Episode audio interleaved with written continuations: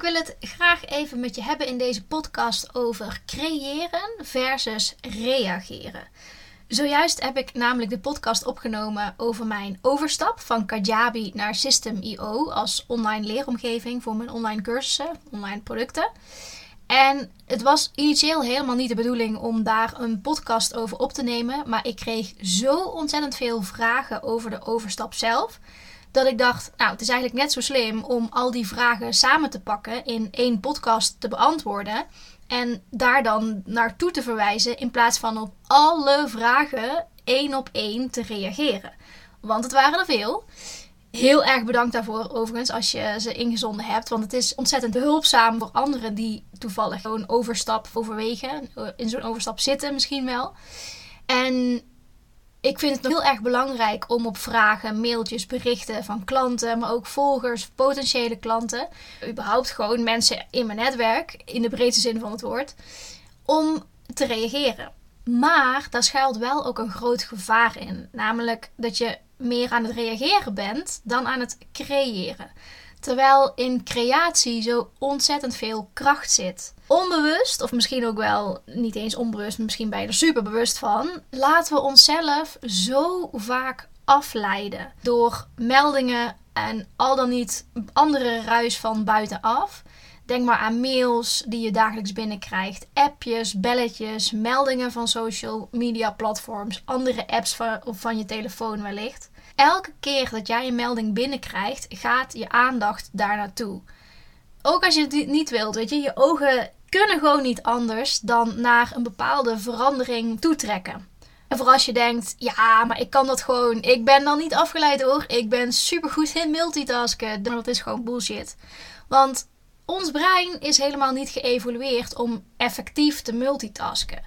Onze hersenen zijn geoptimaliseerd voor diepe concentratie en focus op één taak tegelijk. Dus wanneer je probeert ja, meerdere dingen tegelijk te doen, ervaar je toch vaker sneller een cognitieve overbelasting dan dat je heel erg jezelf vervuld voelt.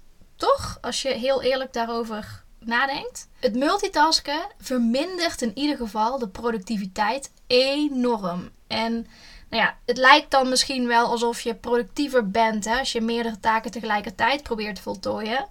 Maar ja, het leidt gewoon vaker tot lagere kwaliteit van het werk op zich of de taak die je wilt doen. En ook een langere tijd om dat werk, die taken afgerond te krijgen.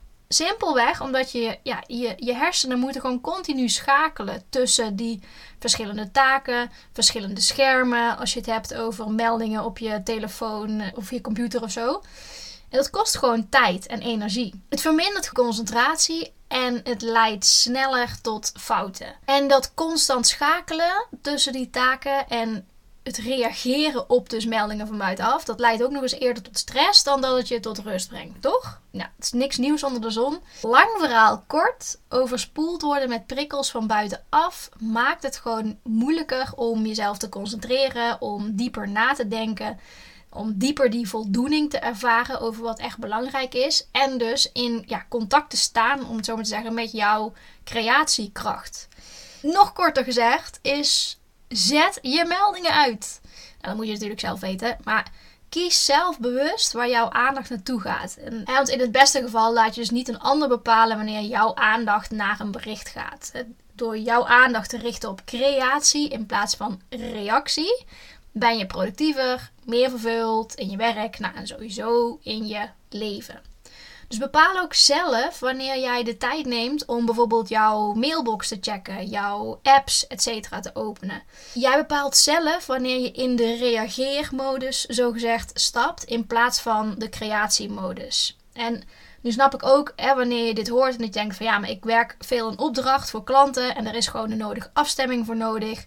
Ook daar kun je gericht over nadenken en afspraken over maken. Als ook wanneer jij zelf veel klanten hebt en dus de nodige klantenservice mogelijk daarbij komt kijken, maak afspraken over contactmomenten.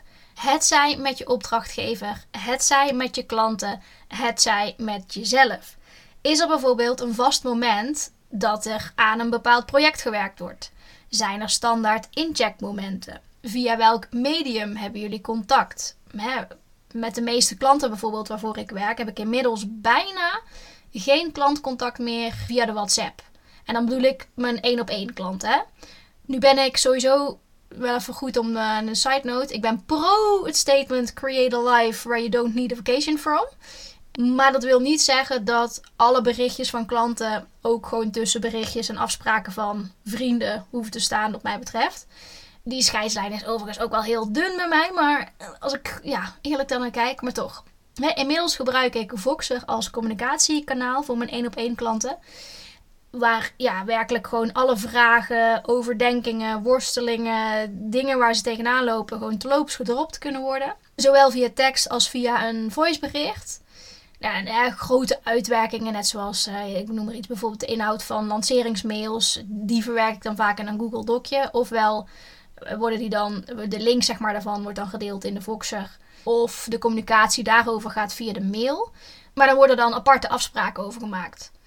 Welk medium je ook gebruikt, neem in ieder geval ownership over de momenten waarop jij het medium checkt. Op het moment dat ik de Voxer open, ik ben dan op het moment dat ik die app open 100% voor mijn klanten aanwezig. Ik zit dan niet met mijn hoofd bij een mail voor een andere klant of een post of bij een podcast die ik nog voor mezelf moet uitwerken.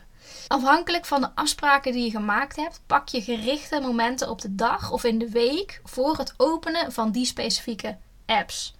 En wanneer je nou bang bent om iets te missen, hè, of dat je het bijvoorbeeld wel fijn vindt om meldingen te ontvangen, dan kun je bij de iPhone althans bijvoorbeeld instellen dat je op een vast moment op de dag, of meerdere momenten op de dag, die meldingen wilt ontvangen. Je krijgt ze dan in een bulk binnen. Dus nou ja, misschien is dat iets waarmee je wilt experimenteren. Ik heb even opgezocht. Uh, even kijken. Je vindt, uh, je vindt dat, je kunt dat instellen via instellingen meldingen en dan gepland overzicht op de iPhone. Hè? Bij andere telefoons weet ik het niet, maar Google is your best friend of ChatGPT misschien nog beter. Sowieso is dat een codewoord, hè? Wat, je, wat mij betreft in het leven, maar gewoon ook in de klantreis, op je salespagina, in je mailings. En ook in deze podcast zul je hem nog vaak horen. Experimenteer. Want voor iedereen werkt gewoon ja, wat anders, fijner en beter. Dus ga dus vooral op onderzoek ja, wat voor jou werkt. Kijk, melding, meldingen uitzetten en gerichte momenten pakken waarin ik mijn mailbox check, hebben mijzelf echt al heel veel rust gebracht. Maar ik kon er nog wel eens een handje van hebben. Ja, een heel erg please gedrag te vertonen op dit vlak. Van nou ja, iemand moet wel echt, nou ja, liefst binnen een half uur dan ook antwoord hebben en zo. Of uh, als dan een belangrijke mail, of uh, nou ja, een urgente mail, kom ik zo nog op, uh, is um, voor diegene, ja, je voelt dan een soort van druk van, oh, maar dat, ja, het liefst heb je dat zo snel mogelijk beantwoord. Maar hey, het is ook oké als iemand gewoon binnen 24 uur antwoord heeft. Hè? Of nog een langere tijd uh, als, er, als, dat, uh, als er een langere termijn voor, voor staat.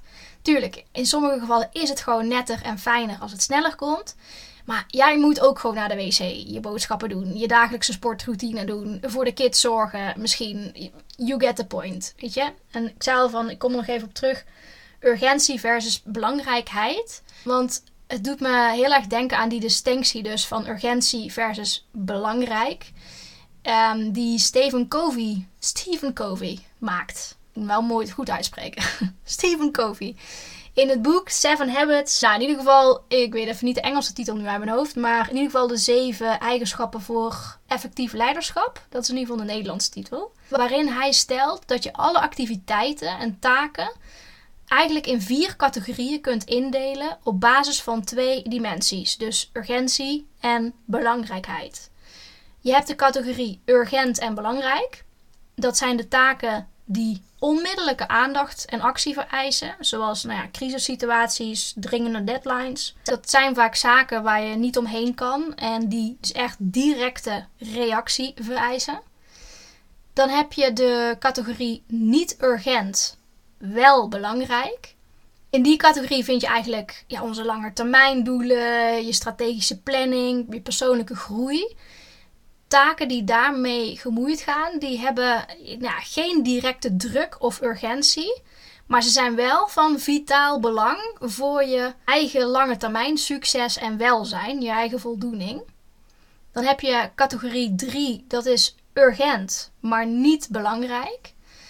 Hier vind je de taken die heel dringend lijken, maar eigenlijk gewoon ja, weinig bijdragen aan je doelen en je prioriteiten. Dat zijn dus vaak die meldingen waar ik het eerder over had: hè, onderbrekingen, onnodige eh, vergaderingen, tal van meetings waar heel veel gepraat wordt, maar niet, uh, ja, niet zoveel gezegd wordt, zeg maar.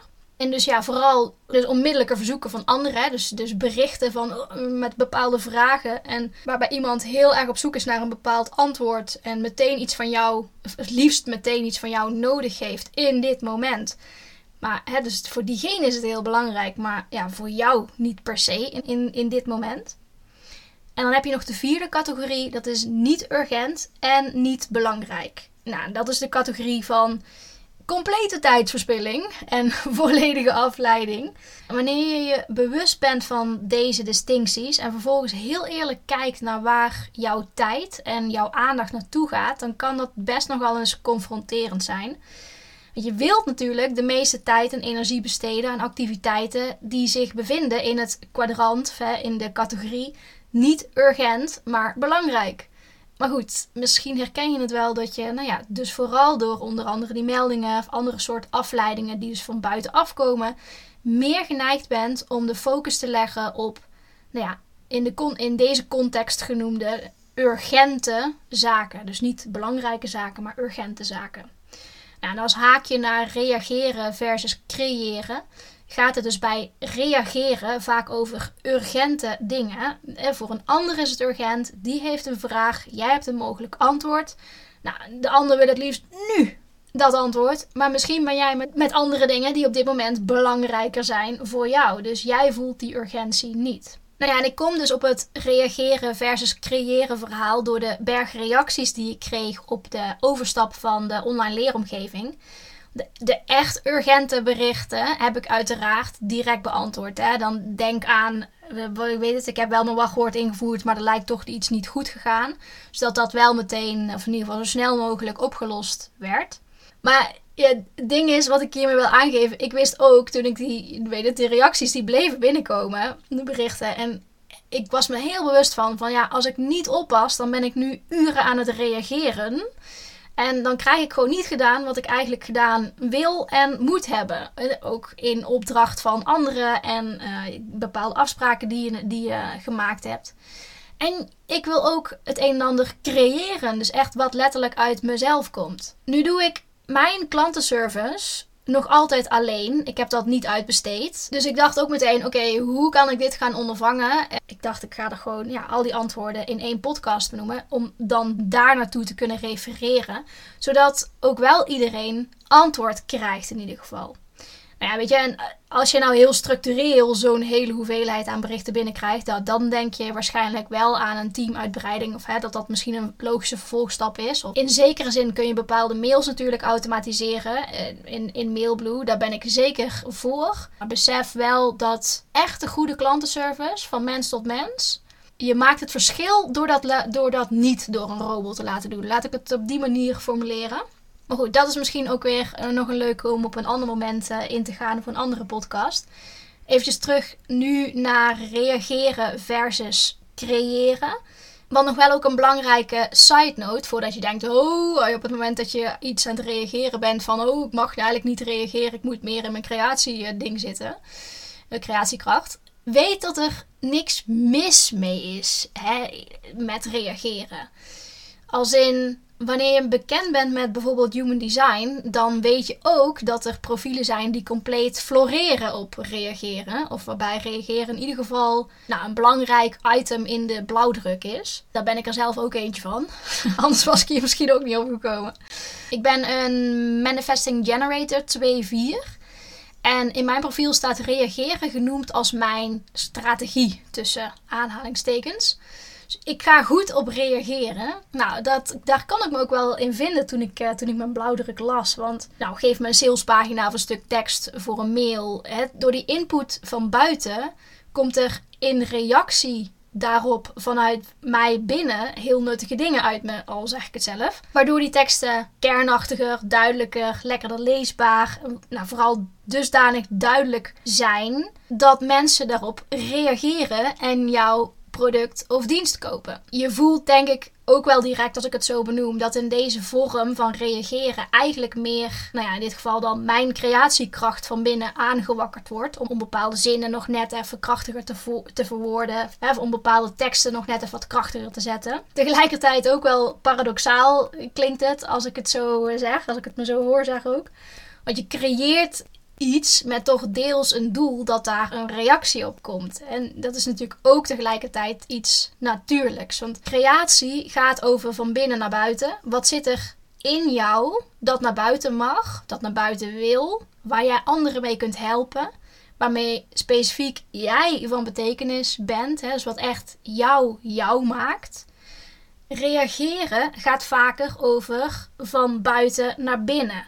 Hè, dus externe factoren die weliswaar vanuit, de, vanuit anders de creatiekracht naar boven komt, om jouw aandacht vragen. Het is aan jou de taak om na te gaan of het in lijn is met, of het ja, van meerwaarde is voor jouw creatiekracht ook, om daar dus op te reageren. En dat je dus samen aan het co-creëren bent, als het ware. Als reactie op reactie wat samen een creatie wordt, is iets anders dan enkel een gevalletje reageren. Maar nogmaals, als het dan wel enkel een gevalletje reageren is, is er ook niks mis mee. Hè? Soms moet er gewoon shit geregeld worden.